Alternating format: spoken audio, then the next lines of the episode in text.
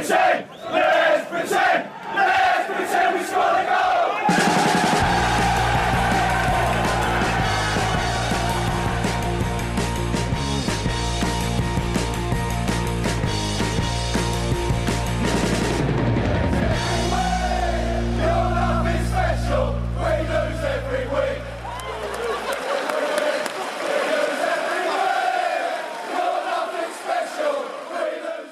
Sportbladets Premier League-podd, välkomna ska ni vara. Kalle Karlsson, du är med från Västerås, hallå, kom in. Eh, jag är med härifrån, det stämmer. Det, det är nästan, man får säga det i coronatider, känslan av att du sitter i karantän där borta nu, men du är ju faktiskt där och, och coachar fotboll och inget annat.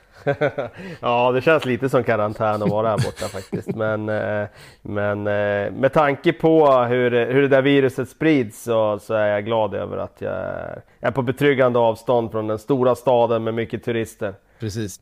Eh, Makoto, du har tagit in här i alla fall, det är inget karantänavstånd mellan oss just nu. Nej, precis. Det, jag sitter i det här poddrummet som vanligt. Ja, så att en, precis. en är inte karantänsatt i alla fall. Nej, precis. Det är ju några stycken här på bladet som, som är i karantän nu, som har varit ute och rest, bland annat, eh, ja, eh, någon på sporten också. Eh, det är lite, lite allvar. Ja, ja naturligtvis. Alltså man, eh, man tänker ju ifall det skulle bli en epidemi, alltså hur det skulle funka. För karantänsättning är ju inget man brukar göra i Sverige annars. Liksom. Nej, precis. Det känns som svenskar är ganska dåligt anpassade för att sätta sig i karantän också. För det finns så mycket individuell vilja att men jag ska inte sitta i karantän. I princip så. Eh, kom ju ett eh, besked där också från, från Premier League att om det är så att eh, ligan då eh, tvingas, tvingas avsluta på grund av coronaviruset så kommer ingen ligatitel delas ut. om de inte hinner spela färdigt eh, säsongen. Det hade ju Ja, inte den, förvånat. den är tung. Spel, spela om hela det här året, eh, psyk. Det hade varit något. Ja, ja, det, då, då blir det ju ingenting. Då blir det ju liksom, eh, då blir det ju någon slags asterisk bara på hela den här säsongen och sen så eh, börjar vi om så blir det ingen ligatitel för Liverpool i alla fall. Men ni har ju ligatiteln 2014 och 4. Om ni får den istället. det finns ju alltid något. Ja, Ja, det, det, det hade ju varit eh, eh, ganska sjukt om det blev så. Ja, eh, något. Men vi eh, fick säsongens första titel igår. Eh, I alla fall den in, säsongens första inhemska titel. När Manchester City besegrade eh, Aston Villa då på Wembley. Eh, 2-1. Inte en speciellt övertygande seger i slutändan. Visst, jag tycker väl att eh, slutresultatet var, var rättvist, men man, eh, man hade ju ändå velat att den där nicken från Engels hade gått in på slutet så man hade fått den där förlängningen och nerven he, hela vägen in. Det var, en, det var nära, men eh, eh, rättvisa segrare på Manchester City ändå. Eh, håller du med Ja, det får man säga. Ja, absolut. Det, det har ju varit, faktiskt varit ganska bra ligacupfinaler de senaste åren. De har varit väldigt sevärda. Tredje raka segern skulle vi säga för City. Ja, och det säger väl någonting också om att eh, de stora klubbarna har ju ändå i ligacupen varit långt framme de senaste åren. Sen är det ju alltid något av lagen som åker ut för att de spelar lite B-betonat lag i någon omgång och så vidare. Men när vi väl är framme vid semifinal brukar det ändå vara, ja, City uppenbarligen har ju gått och vunnit de tre senaste åren. Så att, jag tycker jag har fått eh, lite väl mycket kritik i ligacupen. Jag tycker den full, fyller sin funktion med att många unga spelare får chansen. Och sen när man väl kommer fram till semi så känner man på laget, då, är, då börjar det lukta titel och då, bör, då, då vill de verkligen vinna.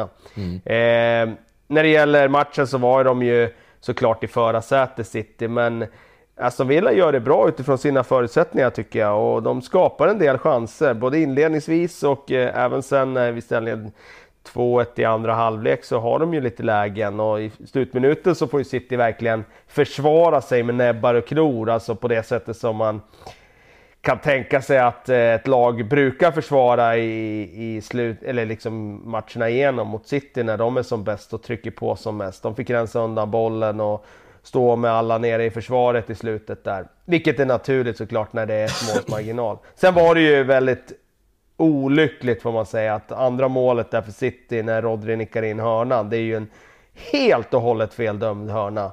Som linjemannen måste kunna se eh, att den är eh, att det är en inspark. Att den studsar tillbaka på City-spelaren ut till inspark. Och jag kan inte för min eh, vilda fantasi förstå hur domaren kan göra den typen av misstag när det är så uppenbart att alla andra ser att det är fel.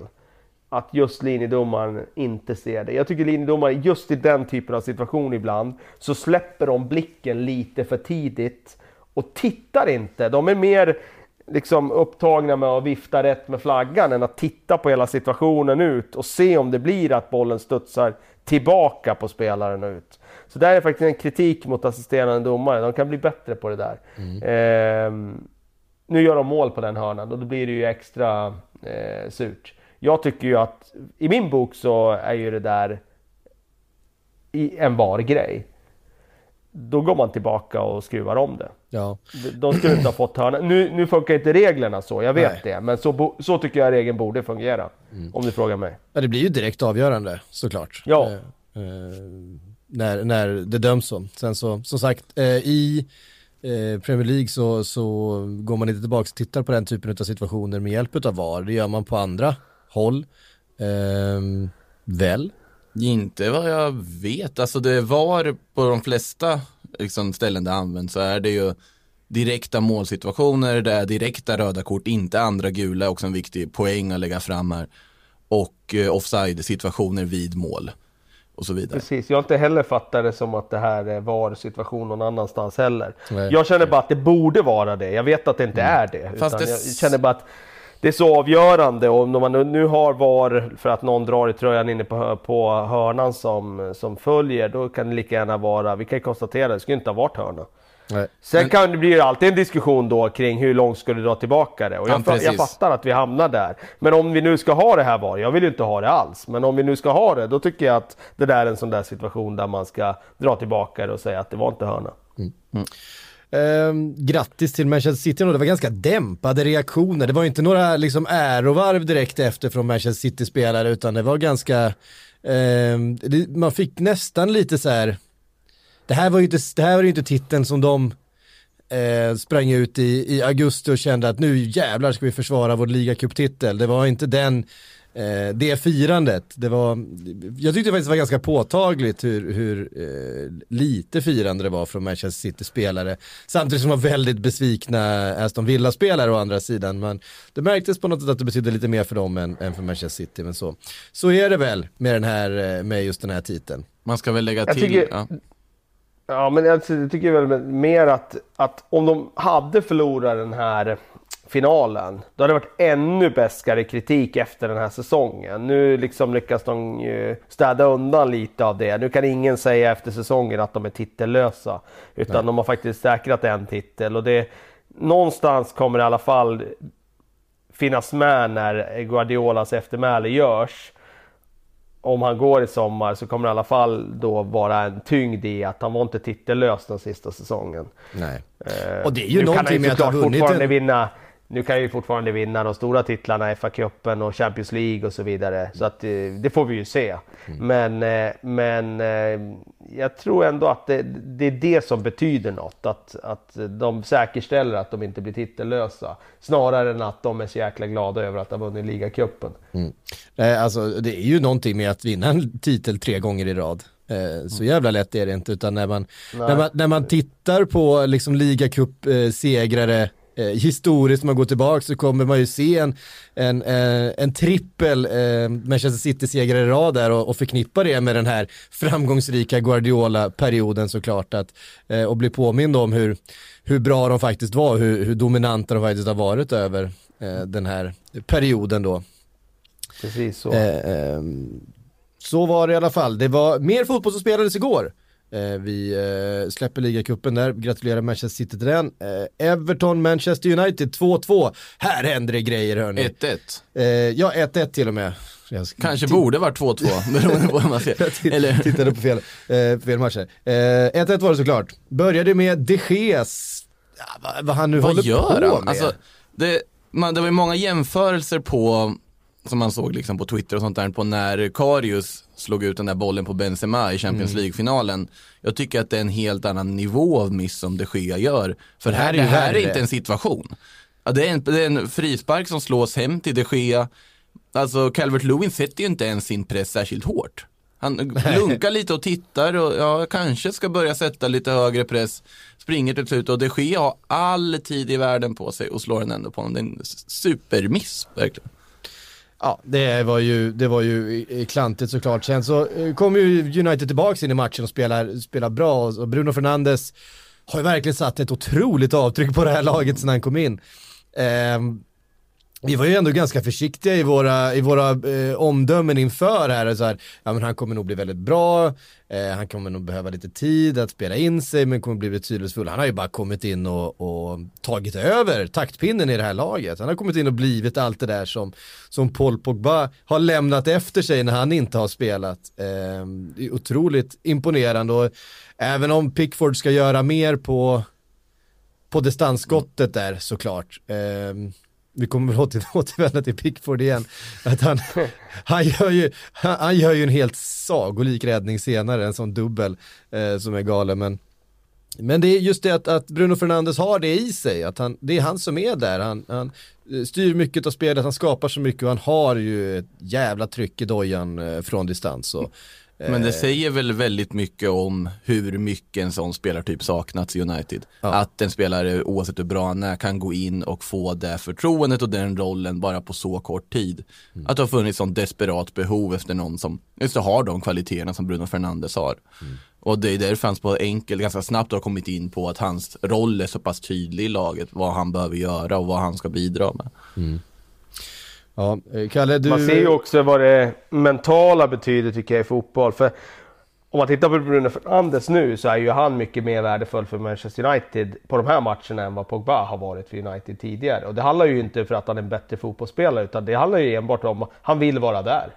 Eh, han, mm. han vill vara i den här klubben, han vill eh, vara den som allt kretsar kring och han är där med hela sitt huvud och sin, sitt hjärta i det han gör. Och det, det är liksom Ja, det är, det är sällan man sett en värvning som har fått den här typen av eh, impact på så kort tid alltså. I ett lag i Premier League. Jag kan inte erinra mig någon som har kommit in och gjort sån här skillnad direkt sen van Dijk. Det är väl han som gjorde den skillnaden i, i Liverpool senast när han kom in i försvaret där. Mm. Eh, ja. Men han har ju, han har ju alltså spets som, eh, som heter duga, Bruno Fernandes. Alltså det, det måste jag säga. Alltså inte bara hans avslut utan även hans, alltså en mot en. Det går inte så fort för honom men Fan, han fintar ju ner Sidibe där så att han slog ut på sig själv där liksom. Alltså, det är ingen svår fint, men han gör den. Och han gör den på ett sätt som man får ner backen till att ta sig in borgarmärket där nere liksom. Ja, precis. Det är som de säger i eh, basket, en sån ankle breaker. Ja, men det var ju verkligen Ja, verkligen ankle breaker. Career ending. och innan, eh, som du är inne på där Syk, de är ett annat lag nu med honom. Ja. Det är ju tydligt att anfallsspelet är helt annorlunda med honom jämfört med vad det var innan. Mm.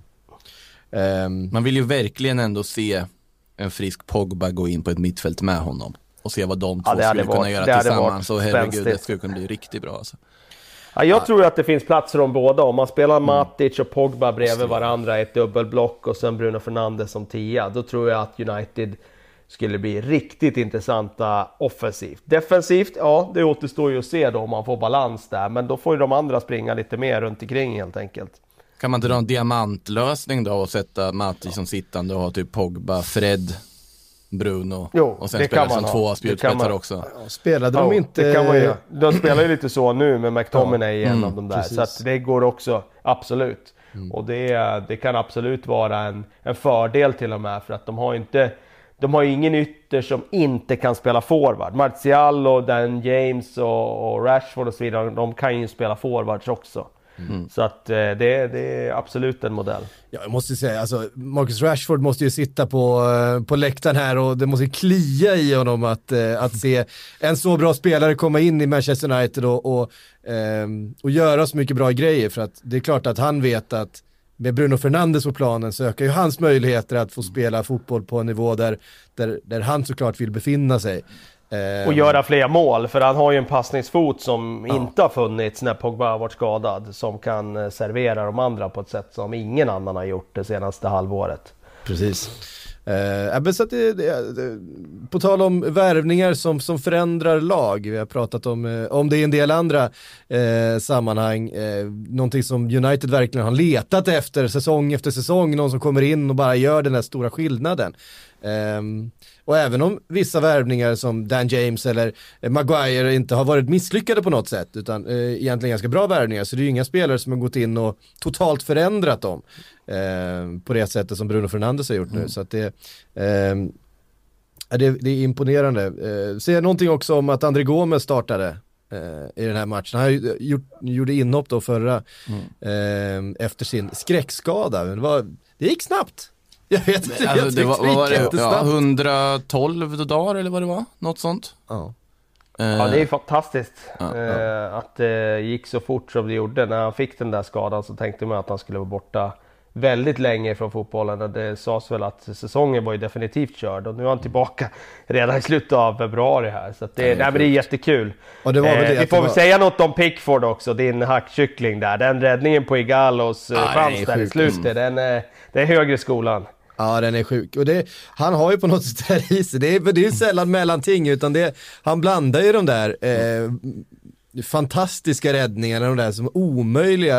Eh, den här dubbelräddningen är ju, är ju hur bra som helst. Man märkte ju på nu hur viktig den var för honom också. Han firar ju som att det ett mål han gör också. Ja, Man gillar precis. målvakter som firar räddningar på det här sättet, eller backar som firar brytningar. Jag älskar att de det. har gjort mål. Det är, det är så det. fint är det. Ja. Ja, jag älskar Eh. det. Jag kommer ihåg när Buffon firade när han räddade Inzagis nick i Champions League-finalen 2003 som om han hade vunnit VM-guld. Eh, Det var ett mycket, mycket fint ögonblick när det handlar just om det där med fina räddningar. ja men det ska man ju göra, det är ju, det är ju värt ett mål. Ja. Det är ju värt ett mål.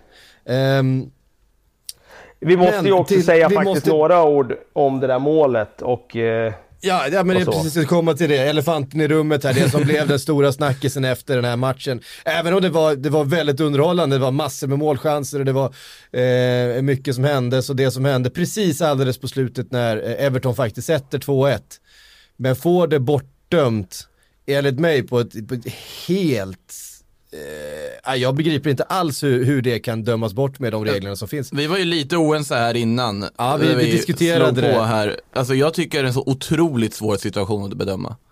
Att Ja, du, det är det. det är en så otroligt svår situation för du kan se den på två olika sätt. Man kan se det på det sättet att ja, han sitter ner, han skymmer inte de Gea, han rör inte bollen, han gör allt han kan för att inte vara inblandad i det och att bollen går på Maguire, vilket på ett sätt också kan tolkas som att det här är en ny situation.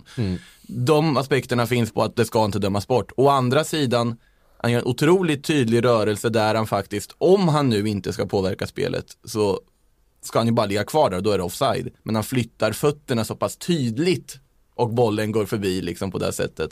Ja. Vilket i sig, jag skulle kunna tänka att ja, men då påverkar han ju situationen oavsett hur sittande han är.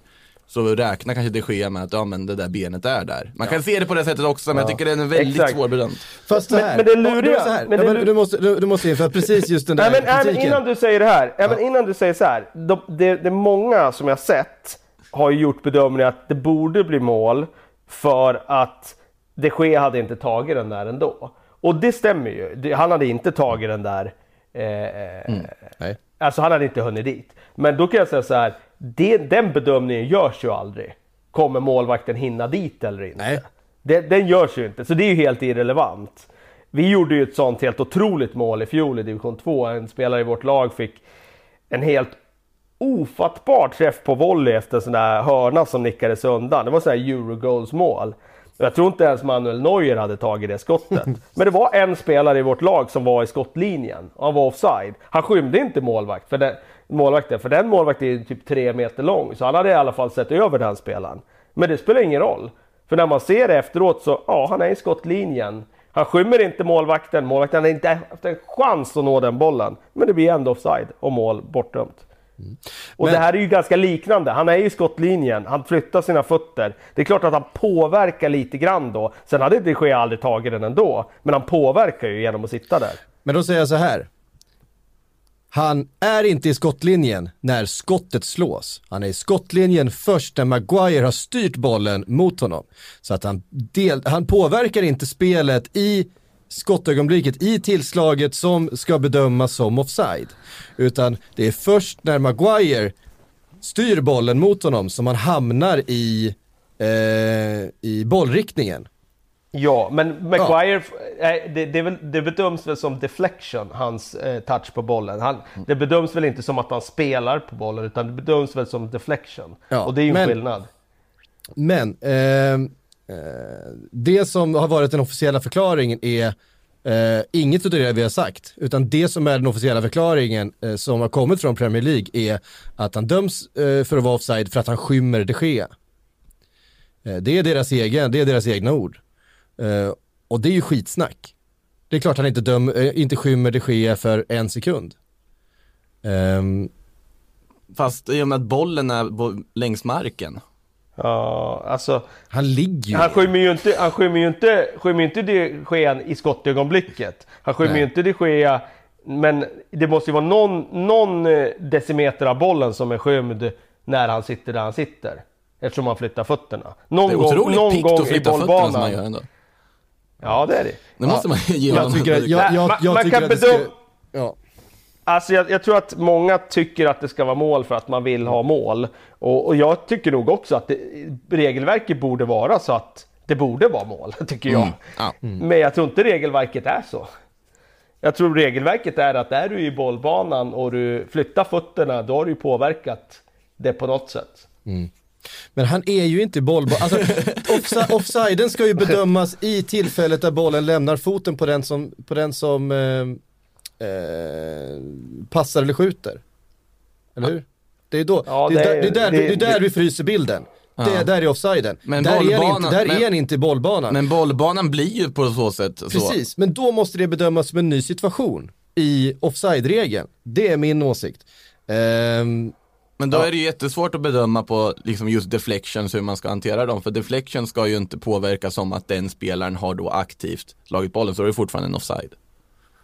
Jo, jo, men om det, om Ja, eh, det, det, vi kan konstatera så här, det, är en, eh, det, det här är en sån där situation som, som eh, leder till diskussion. Man hade gärna haft någon regeltorkare som hade klargjort exakt vad som gäller. Men jag tycker inte det är glasklart åt något håll. Jag tycker det är en otroligt intressant situation på många sätt. Så Det är Ja, det är det. det, är en Det väldigt intressant situation. 1-1 blev det i alla fall eh, och det öppnar upp lite grann då i den här kampen om eh, Champions League-platserna. Eller öppnar upp lite grann för det var, det var många i den striden som eh, förlorade poäng. Eh, Som varje omgång höll jag på att säga. Ja, det känns som precis. man klarar sig på oavgjort och hänga med där ändå på något sätt. ett av de lagen var Tottenham som fick noll poäng hemma mot Wolves som då eh, å andra sidan är det, det laget den här omgången i kampen om de där Champions League-platserna som faktiskt tog alla tre. Det är till sådär 3-2 resultat, det är liksom det Tottenham eh, sysslar med just nu, det är så otroligt omorinjoskt.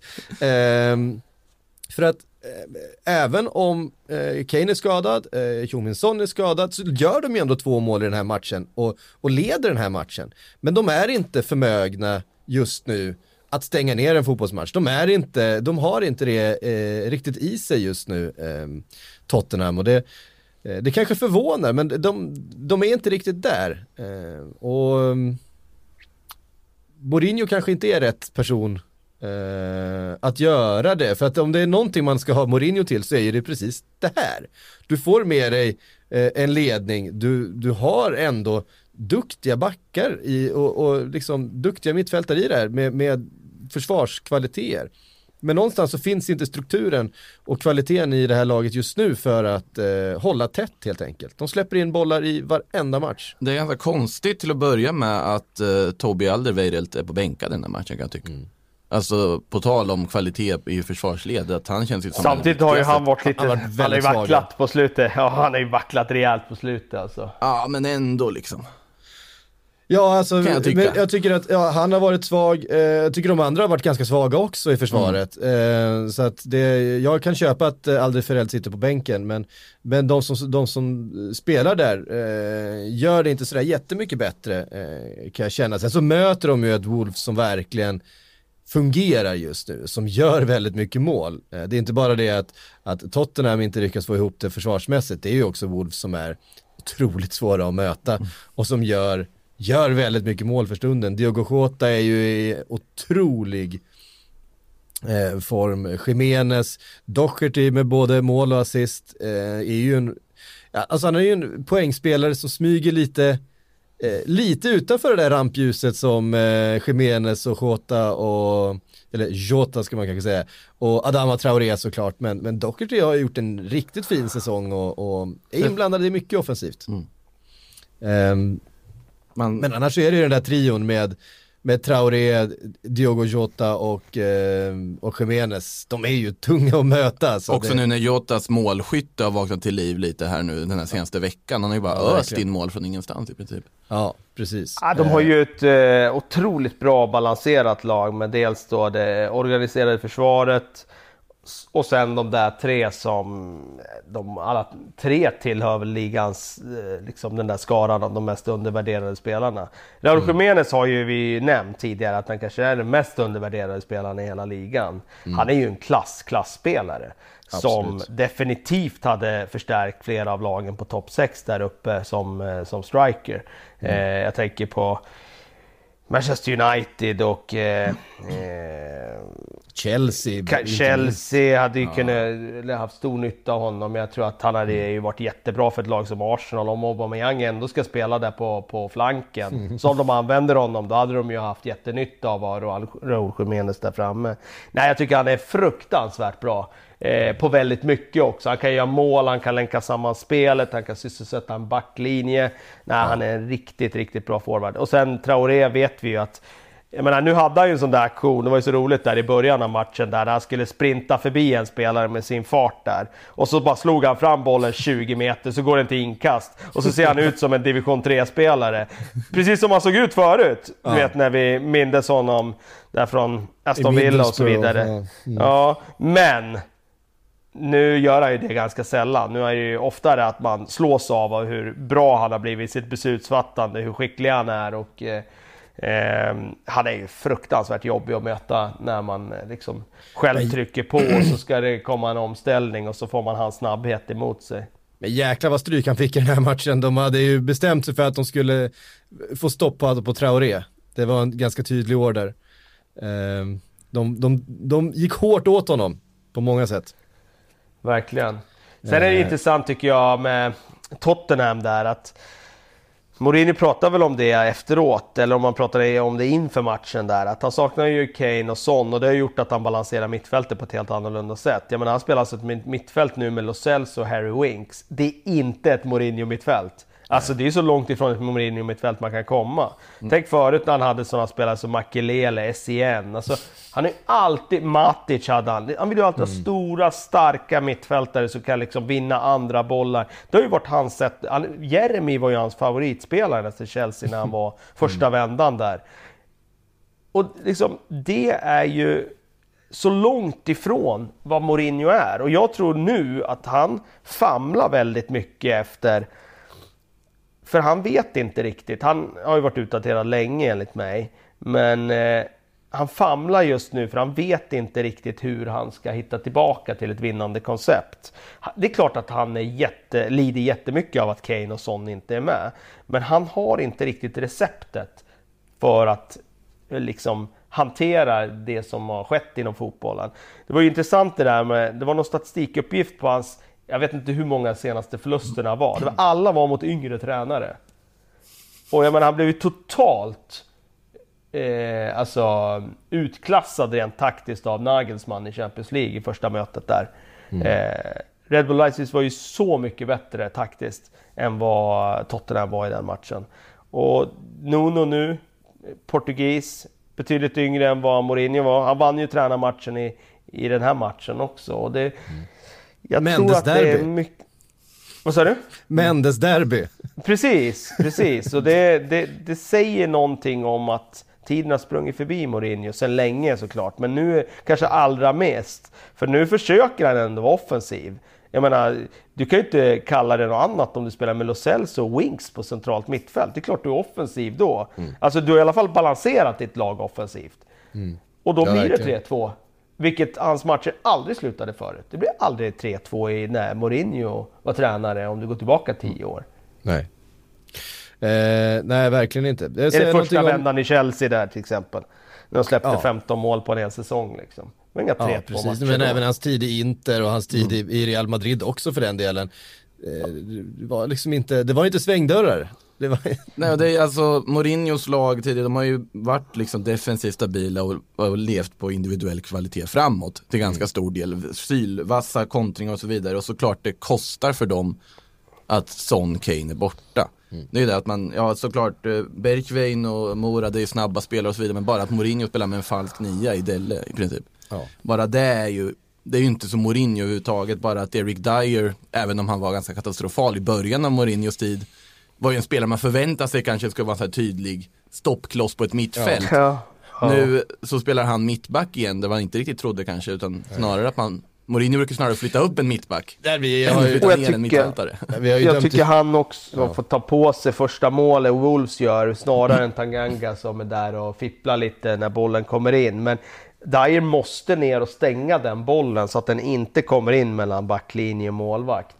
Eh, han gör det halvdant och då får den komma in och så missar ju Tanganga lite när den väl kommer in där inne. Men alltså, Dyer har inte varit bra alltså. Eh, sen Mourinho kom in och det, det, det var ju en spelare som vi trodde skulle få ett lyft. Mm. Eh, ja, han har inte, inte alls hittat tillbaka till eh, någon slags form. Och, eh, då tajtar det till sig i, i eh, topp 5 helt enkelt. Eh, om, vi ska, om vi ska prata om en femteplats om en Champions League-plats, det vet vi inte ifall vi ska göra än. Men eh, det tajtar till sig även eh, ännu högre än så. Eh, vi kommer till både eh, Chelsea och Leicester som eh, båda tappade poäng i, i eh, helgen, men vi eh, börjar med det som hände till slut då. Nämligen att Liverpool förlorade en, en, eh, en ligamatch. Eh, det var över ett år sedan det hände senast.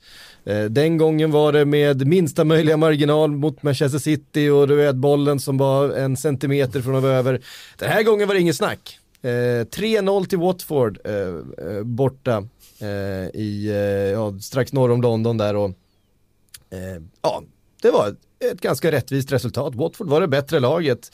Liverpool kom inte upp i, i alls i den kvaliteten som eh, framförallt försvarsmässigt som vi liksom har vant oss vid att det, det släpps inte till speciellt mycket eh, enkla billiga mål och, och eh, det görs inte men, men eh, så var det den här gången och eh, ja, så blev det helt enkelt. Det, det, det var tvunget, det skulle ju hända förr eller senare. Man kan inte gå, det är ju fotboll liksom. Man ser en tår i ögat som eh, rinner ner för Syks kind där samtidigt som man konstaterar precis. detta. Det var, det var ingen matig analys av det hela, det var mer ett konstaterande att det skedde. Jag vill höra mer djupt i den här matchen. Jo, vi, kan, att jag vi, är- kan, vi, kan gå, är- lite djupare in i den här matchen också. Vi ska komma ihåg också att, att Watfords kanske bästa spelare under eh, de första 20 minuterna var ju eh, Delofeu.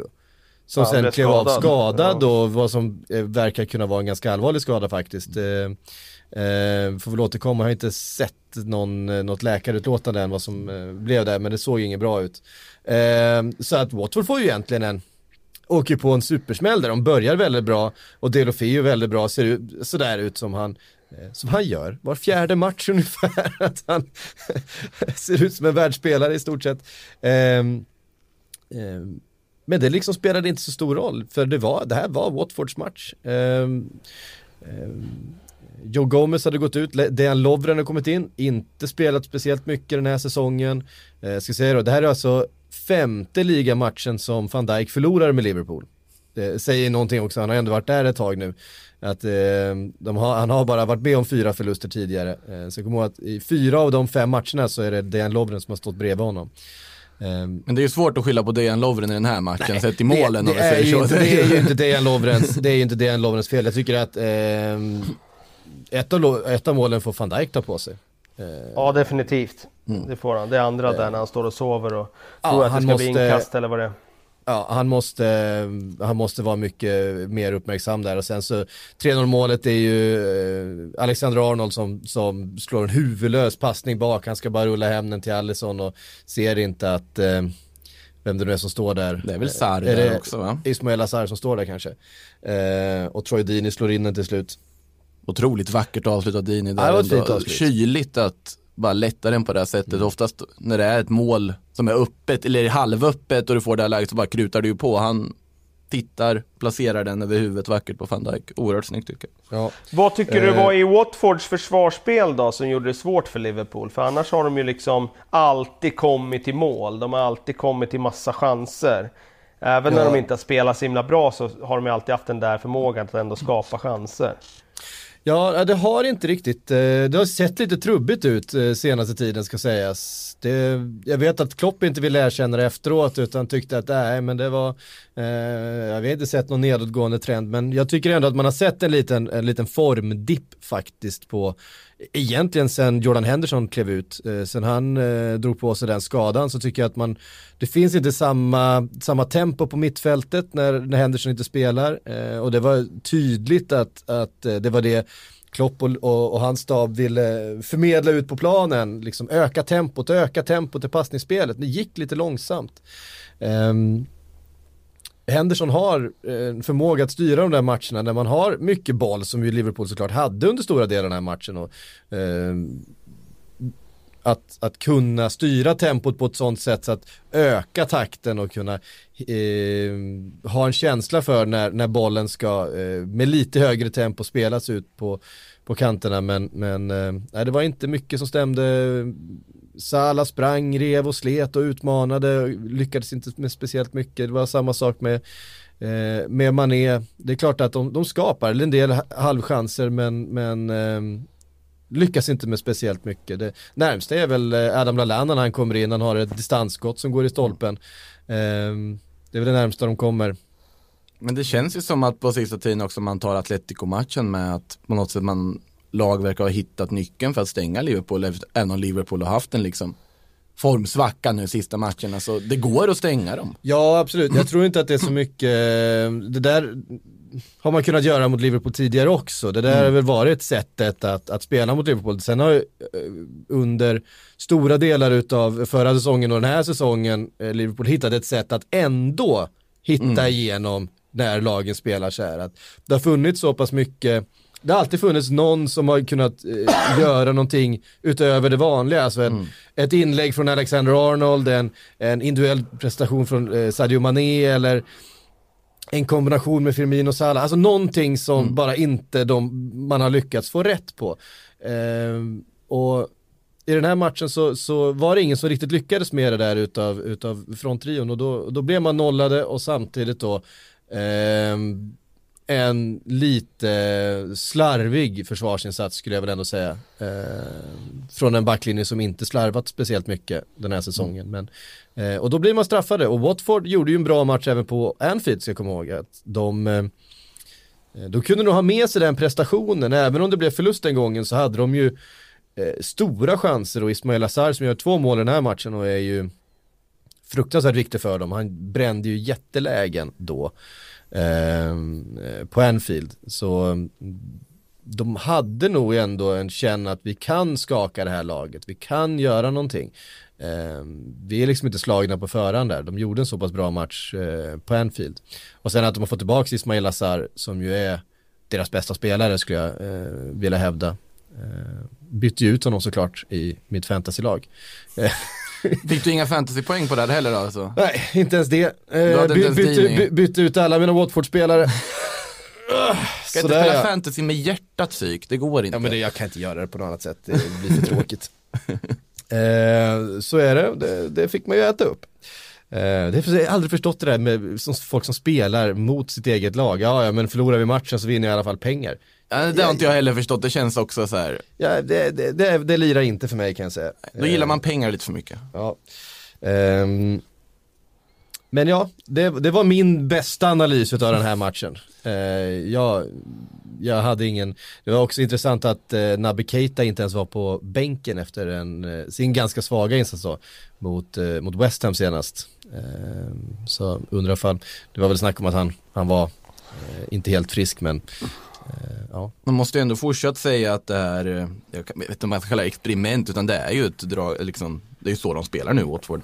Man spelar Dokore som 10, att ha en mm. liksom, bollvinnande mittfält som 10, jag tror att det, det, är bra för den typen av lag att spela på det sättet. Liksom. Man kan, det är underskattat att spela en lite liksom, mer robust, hårdare, tuffare spelare som en 10 lite längre fram. Jag tror att det, ja. Ja men herregud, det gör ju Liverpool med Firmino. De har ju en, en bollvinnare som, som nummer ja, men, nio. Men det är ju en bollvinnare som gör mål och gör drömpassningar också. Ja, Dokores styrka ligger inte riktigt där kanske. Nej. Ja, så var det. Är du nöjd med den, med den analysen Kalle? Absolut, eh, vi kan ju nämna Watford där för att jag för mig att i podden sen, för det var det förra veckan som eh, vi snackade lite grann där om att nu, nu börjar de dippa igen här. Eh, mm. Nigel Pearson-effekten har avtagit, nu blir det tufft för dem. Men nu studsar de tillbaka med den här, nu ger de sig själva chansen. Ordentligt Nu klättrar de ju upp också, förbi strecket. Så att, ja det blir ett jäkla raffinerat drama där i botten och det ser vi verkligen fram emot att följa. Mm. Eh, ett annat lag som är inblandat i bottenstriden är Bournemouth som tog emot Chelsea. Eh, Bournemouth som också har sett eh, riktigt bleka ut under stora delar av den här vintern. Eh, men Chelsea gör sådär lite grann som de gjorde i början på den här säsongen, att de, de inleder starkt och de får ledningen, men så i andra halvlek så är det som att de tappar koncentrationen lite grann. Eh, samtidigt som eh, eh Bournemouth gör det väldigt bra och, och sätter ett väldigt tryck framåt eh, i början på andra halvlek och får ju faktiskt två bollar med sig. Eh, Jefferson Lerma med en eh, fin nick på, på en hörna där och eh, Joshua King också då i, efter ett fint, fint anfall. Men, men Marcos Alonso han har räddade ändå en poäng till, till, till Chelsea till slut men det var nog inte vad Chelsea hade, hade räknat med men, men det, det, vi har sett det här förut från Chelsea att de, de lyckas inte hålla den här höga kvaliteten Ehm, hela matcherna igenom och, och, det här är ju såklart en, en trea de hade ehm, behövt i den här eh, jakten för nu kommer ju till exempel ett Wolves eh, bakifrån med full fart. Eh, nu tappade ju både United och Tottenham och så vidare poäng då men Eh, så det kanske inte kostade så mycket egentligen, men den här typen av förlust, eller poängtapp ska jag säga, det vart ju faktiskt oavgjort. Eh, kanske man inte har råd att göra om man ska spela Champions League nästa säsong. Det vet jag inte. För, Nej, för, för Bournemouth är inte så starka. Deras trend är ju oroväckande. De fick ja. ju en ganska rejäl uppläxning av Bayern där i Champions League. Att visa mm. de unga spelarna att det, det är en bit kvar. Och det, känslan är att eh, de kommer att få kriga för den där Champions League-biljetten här i, i slutet av säsongen. De kanske tar den till slut, men eh, de kommer jäklar i mig få kriga för den. Ja, verkligen. Och, och jag tyckte inte heller att det var Bournemouth som kom upp i någon slags ex exceptionell liksom, kvalitet heller. Eh, utan eh, det var egentligen eh, Chelsea ganska mycket som släppte in dem i matchen och, och, och, eh, och gjorde, jag vet inte, de den där försvarslinjen som de har i, i Chelsea, den har en, eh, nu ställer de upp en, en trea då med Christensen, Aspilicueta och Tomori och det är klart att det finns misstag där i liksom. Eh, eh, Aspilicueta som, som eh, central eh, mittfältare då i en, i en trea. Eh, ja, jag vet inte. Det, det är kanske inte det starkaste, även om eh, Aspi är en, liksom en, en, en trotjänare för Chelsea och han har varit väldigt bra under väldigt många år och han har varit ganska bra i, i perioder den här säsongen. Så är det kanske inte en spelartyp som jag eh, helst hade sett Fast som... i en trebackslinje tycker jag ändå att han, han tillför liksom. Han har ändå, om du spelar mm. trebacks då vill mm. du ha mittbackar som också har fötter. Ja, ja visst. Och det, om något har ju Aspilicueta. Mm. Tråkigt lite kan jag tycka att Tomori nu är tillbaka och får spela gör en ganska svag insats här mm. liksom i en sån här match som han kanske skulle klivit fram i för att ta den här platsen som han förlorat nu under säsongen. För det är en spelare, i alla fall jag vill se, få mer chanser än vad han får. Ja. Um, Mm, mm, mm, Filip Billing väldigt bra igen. Han, har, han, han är formstark. det, det, det, var inte det första jag förväntade mig höra när vi satte mig i studion idag. Filip Billing är bra igen. Ja.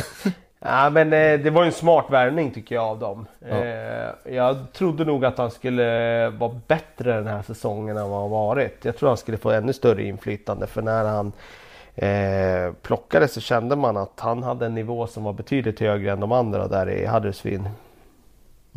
Ja. Ni som sannolikt sett mer Bournemouth än vad jag nu gjorde ju Lerma mål i den här matchen men jag har varit lite nyfiken på hur han har sett ut i Premier League med tanke på liksom, prislappen han hade.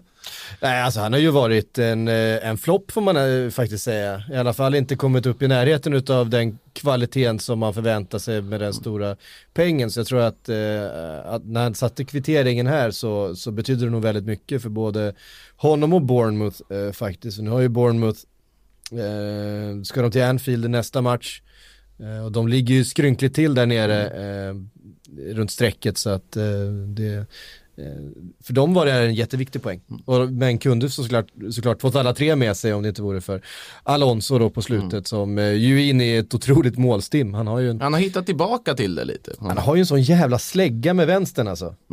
Nej, jag vet inte, men just Lermas, jag vet att jag blev ju helt lyrisk, jag som La Liga-vurmare, när Levante som första La Liga-klubb i mittenskiktet faktiskt tar ordentligt med betalt för en spelare som har gjort succé där. Och att Bornholm ändå hostar upp 300 miljoner eller vad det var. Så det har varit intressant att se liksom hur man har prickat på det, men det känns ju inte som att det har varit hundraprocentigt i alla fall. Nej. Var det så mycket de betalar för honom alltså? Ja, det var ju det som, det var ju nästan 300, men jag, nu kan det ju vara plus minus några 10 miljoner här, men det var nästan det att Levante ändå tog ordentligt med Ja, betalt det, för honom. det var ju bästa förhandlingen av ett mittenlag eller under halvan i Nej men precis, jag var, jag var helt lyrisk när jag gjorde det. Äntligen! Ja.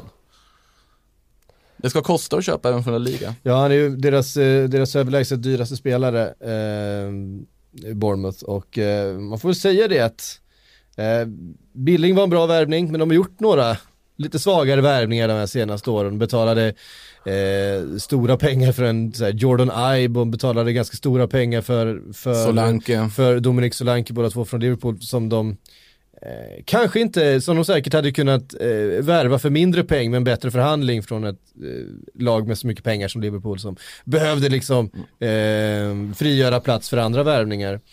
Eh, så kanske en liten, litet frågetecken till förhandlingschefen hos Bournemouth, vem det De har ju är. fått pengar de inte är vana vid att hantera också i Bournemouth. Så är det ju att deras Ja, framgång har ju inte byggts på stora värvningar om vi säger så. Och nu plötsligt så har de en skattkista som de kan jobba med på ett helt annat sätt. Inte vana vid att kunna jobba med de summorna och då blir det kanske där.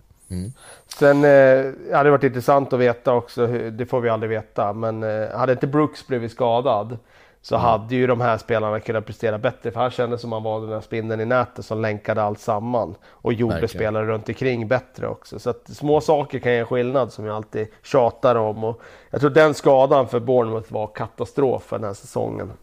Ja, det håller jag verkligen med om. Eh, vidare till eh, Norwich-Leicester, fredagsmatchen. Eh, 1-0 till Norwich och Leicester Eh, har ju verkligen tappat formen under vintern här. De har inte vunnit sedan 22 januari. Det är alltså två poäng på de senaste fyra matcherna. Eh, 11 poäng på de senaste 11 matcherna och det är ju inte tillräckligt bra. Nu hade de ju en liten buffert med poäng då neråt ner till fjärdeplatsen. Men den krymper och den krymper hela tiden och framförallt förlorar man mot Norwich eh, som ligger, ligger tvärsist. Eh, då eh, är det lite fara och färde ändå, känns det som. Ska säga att Vardy har ju inte gjort mål sedan före jul. Det Nej, det är väldigt intressant. Väldigt en förklaring intressant. till, till varför det har gått sämre. Nej, det är ju... Allra mest vill man ju höra egentligen vad Deluded Brendan säger på Twitter. Eh, I det här läget. Det är det, det är det man eh, tittar efter först. Sen tittar man ju vad Brendan själv säger. Eh, men men eh, skämt åsido så får man ju säga att Norwich kommer ju vara en av de bästa lagen som åkt ur Premier League de senaste åren alltså. För att rent spelmässigt så har de alltså presterat och segrar mot Leicester, de har slagit Manchester City. Och alla de här insatserna har de ju gjort med ett eget spel. Det har ju inte varit parkera bussen och liksom spela iget gott försvar, utan de har ju verkligen ett eget spel som de kan falla tillbaka på. Och jag tror att det är stor chans att vi får se dem i Premier League igen. Eh, om de får bygga vidare på det här. Tyvärr så tappar de väl båda ytterbackarna. Det är väl ganska stor risk att det blir så. Ja. Och de kommer ju inte hitta nya ytterbackar av den digniteten. Det jag svårt att tro. De är ganska unika att hitta två så unga bra ytterbackar som de har. Men, men annars, det finns något att bygga på där som jag tycker är eh, genuint och eh, bra. Alltså de, de, eh, visst, då räcker inte till den här säsongen tyvärr, men de har ändå visat att jäklar i mig, de kan mäta sig med de allra bästa lagen, eller topplagen, i, den enskilda matchen när de får till det. Det är ju sällan en nykomling haft så pass många spelare som är värda att hypa som man tänker att men det här kommer ju vara högvilt på transfermarknaden. Jag tänker liksom Todd Cantwell, kanske inte Pucky kommer vara högvilt men där han, den impact han har gjort, Emi Buendia, Max Aarons, det är otroligt många spelare man ändå tänker Ja, att de här har gjort succé. Ja, eh, och eh, som det blir då så kommer väl eh, såklart flera av de här fortsätta spela Premier League då nästa säsong även eh, om Norwich förmodligen då åker ur. De ger sig själva en liten chans här nu ändå tycker jag. Eh, de är inte helt rökta. Eh, nu, den, här, den här trean var ju viktig alltså men Eh, ska se, jag ska få upp tabellen här, jag tror att det bara är Det är väl sex poäng upp va? Eh, det är sex poäng upp till, till Watford då som ligger eh, över strecket just nu. Eh, de är tre, tre lag på 27 poäng då. Det är Bournemouth, Watford och West Ham. Och West Ham som också tog tre poäng i helgen eh, när man besegrade Southampton. Som också ligger där. Eh, en liten bit högre upp ligger de på 34 poäng så de är väl ganska säkra eh, skulle jag tro. Men ehm, Och Haller får näta eh, och Haller får... Och Fornals är bra, Vil- vilken grej. For- Fornals efter sitt fina mål mot, eh, mot Liverpool senast följer upp med en eh, till fin insats. Och det, märk, mär, alltså det märktes på något sätt att även om det var en, en förlust på Anfield för, för West Ham att de tog mycket med sig därifrån att de ändå kunde spela så jämnt och att de kunde skapa så pass mycket. Eh, och att fan, vi, vi, är, vi är inte så jävla dåliga ändå. Så det, vi, vi, alltså det är ju ett lag fullt med, med bra fotbollsspelare. Men det är ju så här man förväntade sig inför säsongen som man gör varje säsong med West Ham att så här ska det se ut. En Haller som nätar och är så pass nyttig framåt, en Fornal som är lika trixig och intressant på alla sätt som man varit i La Liga tidigare. Antoni som dundrar fram på kanten och sen får du lägga till Bowen som kommer in här Ja, också. Jared Bowen som kom på deadline day Ja. och, och som kom ju väldigt hypad, har ju gjort otroligt mycket mål då för Hull. Ehm, och han höll ju på, han sprang sig ju fri mot eh, Liverpool där också och var nära ehm, att göra mål redan där. Eh, det är ju en otroligt spännande spelare som eh, jättemånga som har, som har följt honom i, och sett honom i Hall menar håller en otroligt hög eh, nivå. Eh, man har ju inte sett honom så speciellt mycket i, i Championship men från det man har läst sig till så är det precis den här spelartypen som eh, stark i djupled, otrolig känsla för, för vart målet står någonstans. Så, eh, ja, men intressant att han, han, han öppnar målskyttet i den här matchen också. Det gör det första målet. Eh, ska bli intressant att följa och West Ham då med tre poäng. De ska ju inte befinna, alltså vara där nere tycker man. Men ska sägas någonting också då om de protesterna som var utanför för nu, eh, eh man har ju tröttnat på, på ägarna, eh, Sullivan och Gold, Eh, ägarna i, eh, i West Ham var en jättemanifestation utanför eh, arenan eh, i helgen, kommer då fortsätta. Eh, kampanjen liknar ganska mycket den och det har varit ganska mycket eh, snack. Det var en gemensam aktion på Anfield eh, förra veckan. Man har haft mycket kontakter med Spirit of Shankly eh, som är väldigt drivande i eh, den situationen som var då eh, 2009-2010 när Hicks och Gillette hade kört Liverpool i botten och de var ju nära faktiskt att gå i konkurs. Man ska komma ihåg hur, hur jävla illa eh, det var eh, i slutet där att det var ju faktiskt eh, banken tog över kontrollen över klubben. Ehm, och har ganska mycket samtal de, de supporterklubbarna emellan och West Ham West Ham supportrar gör vad de kan just nu för att försöka få till någonting något eh, skifte i ledningen men det är inte det. Det är inte det lättaste att göra sig av med, med dåliga ägare. Det har vi sett på andra orter i den här ligan om vi säger så. ja, Tidigare. verkligen. En, lite norrut bland annat. En, en lite norrut som, som är rätt trötta på sina ägare. Men vi har sett det på, på väldigt många håll, vi har sett det i Charlton, vi har sett det i, i, eh, på lägre håll. Det, det, är, det är många ägare som är där av andra anledningar än vad supporterna skulle se att de var. Om man säger Det är väl- Då, Är inte Blackpool som har haft jätteproblem med det där? Blackpool har haft jätteproblem eh, bland annat och eh, med flera. Med flera, så är det ju. Nej, Man kan ju säga, vi har väl varit inne på det förr här också, att West Ham är ju den klubb som är inblandad nere som skulle förlora absolut mest på att åka ur sett till truppen de sitter på, Ja. ambitionerna som ändå har funnits i den klubben väldigt länge. skulderna de har dragit på sig Ja. under de här senaste åren, trots att man egentligen har fått en en arena gratis. Eh, skattebetalarnas eh, arena fick man, man har ändå dragit på sig otroliga skulder. Eh, En, eh, alltså vanskött på så många sätt, man har, man har misslyckats med, med nästan allting man har tagit sig för. Nej, det så länge Ja, det- 51%-regeln inte finns så funkar inte kommundoping, är det inte så det funkar? det är uppenbart. Ehm, ett, eh, ett lag som dock verkar ehm, eh, bättre skötta och som har en ägare eh, som eh, jag tror fansen är mer nöjda med, även om det börjar se lite eh, halvskakigt ut på plan. Det är Brighton eh, som har då, vad heter han, Tony Bloom va? Stämmer. Eh, gamle poker, eh, pokermiljonären som ägare som har tryckt in ganska mycket pengar i, i, i Brighton. Ehm, förlorade i helgen med 0-1 eh, hemma mot Crystal Palace. En ganska tung förlust där, eh, där eh, ja, Brighton är liksom som de, som de är. De, de har ett spel, de har ett grundspel och det, det är ganska mycket på planen som stämmer men eh, Eh, de saknar ju verkligen en, en naturlig avslutare. Eh, Mopai startade, Glenn Murray kom in. Det räcker inte riktigt samtidigt som eh, Crystal Palace eh, skapade desto mer Jordan Ayew. Eh, gjorde målet väldigt, väldigt fint framspelat av Benteke ska sägas. Ehm, eh, eh, eh, ehm, och Eh, ja, så jag vet inte vad ni såg situationen med eh, eh, Wilfried Zaha och eh, Cenk Tosun på slutet när de kommer helt fria med målvakten båda två. Eh, Ja, det var roligt. Ja, och Cenk Tosun har ju, han har inte tänkt att passa Wilfried Zaha där. Men han ska dra målvakten så gör han det så dåligt så att bollen studsar in framför fötterna på Zaha i alla fall. Eh, fast som hamnar i, i dålig, dålig vinkel då, han liksom stöter den i stolpen. Med höger yttersida ska sägas istället för att använda vänstern. Ja. Det var mycket som var svagt. Ja, det får man säga. Nej, men vill de göra mål där, då ser de ju till att göra mål genom att bara gå isär och spela runt målvakten. Men Tosun var inte så intresserad av det. Nej, han, eh, Han, kanske har tänkte inte- målbonus i sitt kontrakt, jag vet inte.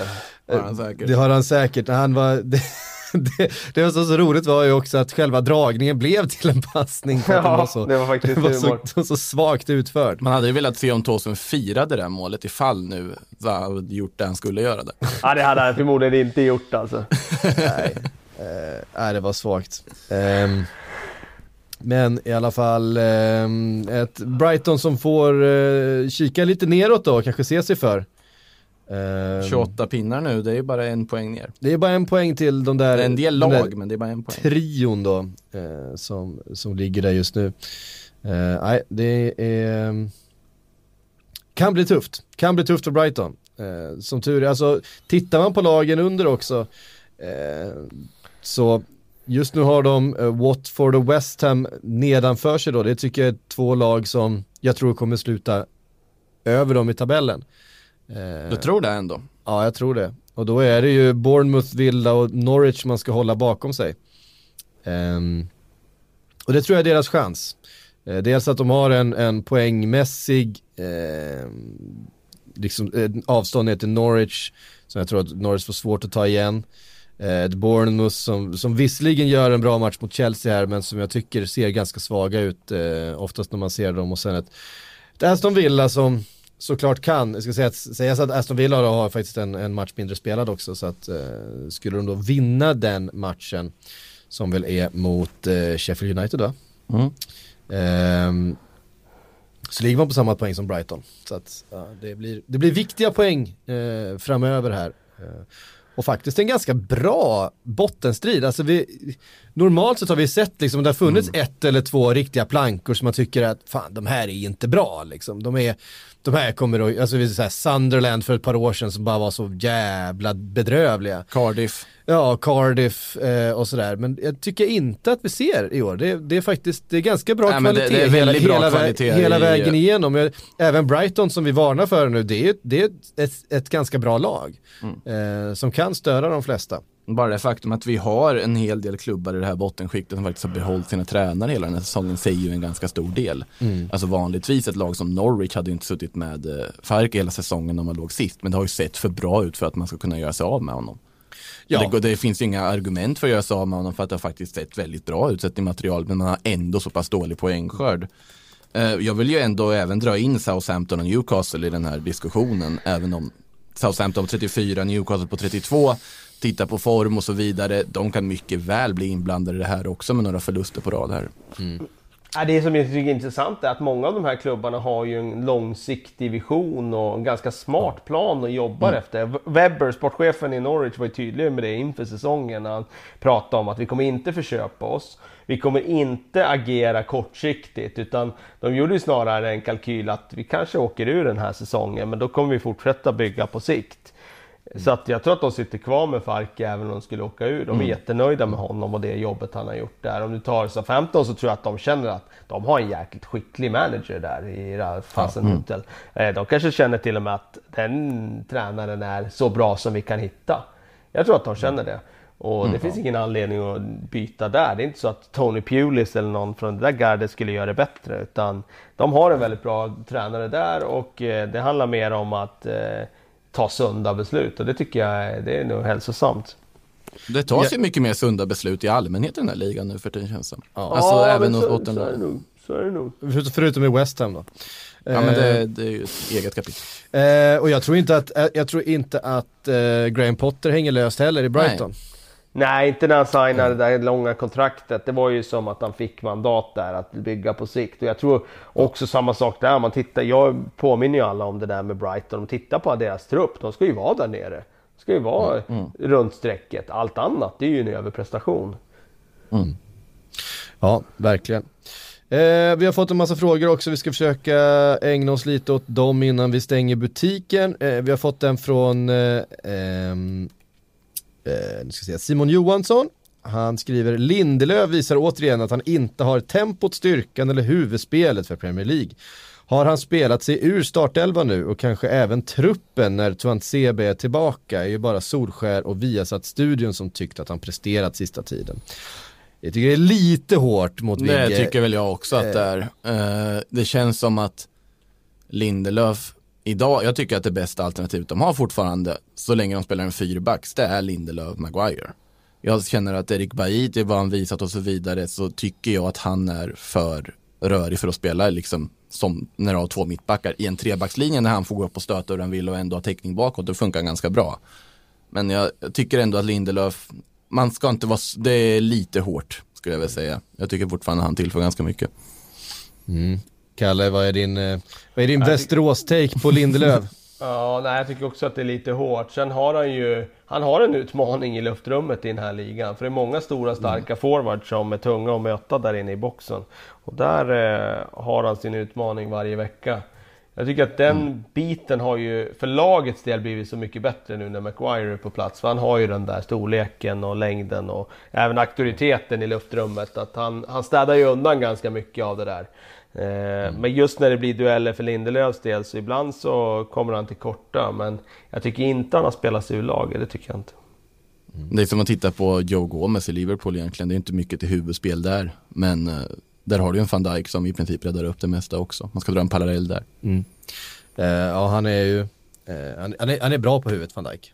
Ja, han är ju det. Ja, Joe Gomez är väl inte jättestark. Nej, Tycker jag i alla fall. Han är okej. Men nej, det är inte, det är inte, det är inte två, så, Mm. det är lite skillnad när, eh, faktiskt när Matip spelar bredvid där som ju också är nästan Ja. två, två meter lång. Eh, men eh, de har mer nytta, de har mer nytta så som de spelar. Eh, nu vill ju Solskjaer stå lite djupare och, och, och gå på Mm. kontringar. Då blir det lite mer så, eh, Liverpool står så väldigt högt med sin backlinje, då har de ju mer nytta utav en, eh, Mm. en snabb Joe Gomez då som ju, eh, Matip är ju väldigt långsam eh, i jämförelse. Vi eh, fått en fråga från Joakim Feldin. Han undrar varför anställer de inte typ 8-10 personer som enbart dömer VAR? Så att det blir mer enhetlig bedömning och på sikt snabbare beslut. Alltså VAR-specialister, domare som bara sysslar med det. Ja, men det segregerar ju domarkåren skulle jag säga. Jag tycker ändå att, alltså om det ska ha VAR, sätt faktiskt domare som är ute på plan och vana vid det där. Tycker jag. Jag gillar systemet man har i La Liga bland annat där det verkligen är, även de absolut mest profilerade domarna, de sitter i VAR-rummet på Granada i bar ibland. Att man ändå roterar på det sättet. Jag tycker att Så gör de ju i Premier League också där. Ja, man jag, tycker att det, det är rätt sätt att göra det på om man nu ska ha det, vilket jag inte heller tycker man ska ha, ska tilläggas. Men då tycker jag det ska vara domare som är vana vid att vara på plan, som också sitter i rummet, som förstår vad det handlar om på planen. Nu har ju inte det varit någon supersuccé i Premier League i år kanske. Jag menar, Man kan ju få Mike Dean i varummet ibland och då vet man ju att... Och det vill man ju. Går det, går, går, går det till bedömning då har han redan tryckt på den där overruled-knappen så jävla fort så att det... Han, han, Första han, bildrutan han har inte hunnit visas. Han Bang, vill, det bara. han vill ju kunna dela ut liksom, digitala kort också genom VAR-systemet, om man kunde. Eh, David Raxén eh, skriver Chelsea 14 plats sett till de 16 senaste omgångarna. Eftersom alla kidsen är skadade så ligger det ju på de erfarna spelare så är det rättvist. William, Pedro, Aspi och så vidare ligger typ på nivå Burnley. Vad säger du Kalle? Ah, det vet jag inte riktigt. De har ju kommit in i en, i en svag trend. Det är ingen tvekan om det. Men eh, det, det gör ju lag ibland. Jag tror inte man ska dra så drastiska slutsatser. Utan jag tror att de, jag, de kommer sluta och, med att ta en Champions League-biljett. Men de kommer att eh, hacka lite på vägen in i mål. Eh, sett till hela säsongen då så kommer den i alla fall anses vara lyckad. Eh, men det, det är naturligt tycker jag när man så mycket, mycket unga spelar att det går lite upp och ner. Det, jag tycker det är fullt naturligt. Mm. Ehm, Tobias Nygren skriver, i den vackra sporten bandy, Uh, det här är då han som tycker, eh, meddelas det alltid i högtalarna när det, lägg till, när det läggs till tid. Till exempel om någon legat skadad så berättar man direkt hur mycket tid som lagts till vid den situationen. Eh, Är det något man borde införa i Premier League? Eh, nu känns tillägget ibland godtyckligt. Ska säga det, det finns också ganska starka röster för effektiv speltid. Eh, Nej, nej, nej, i, nej, eh, nej, nej. Bort, Ja, det, effektiv ti- speltid hade ju behövts när Getafe spelar i ditt La Liga där. Också för att de slog ju nog rekord här hörde jag i Europa League. De hade Ja, ju, det, för, 42 minuter var bollen i spel. Det är Ja, precis det är så man ska helt hantera Ajax. otroligt.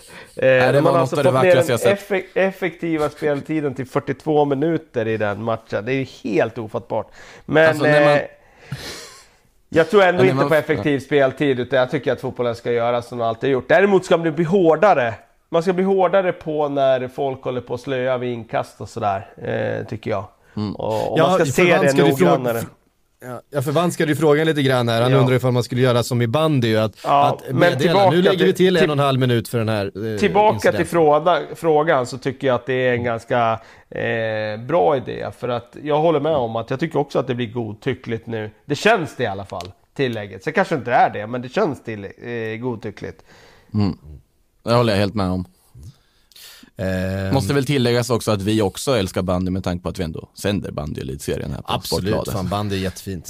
Eller hur Kalle, i Västerås? Absolut, jag är uppfödd med bandyfinaler i Västerås på studenternas och så vidare. Så att jag, jag har absolut eh, ett, eh, en liten del av mitt hjärta som klappar för bandy.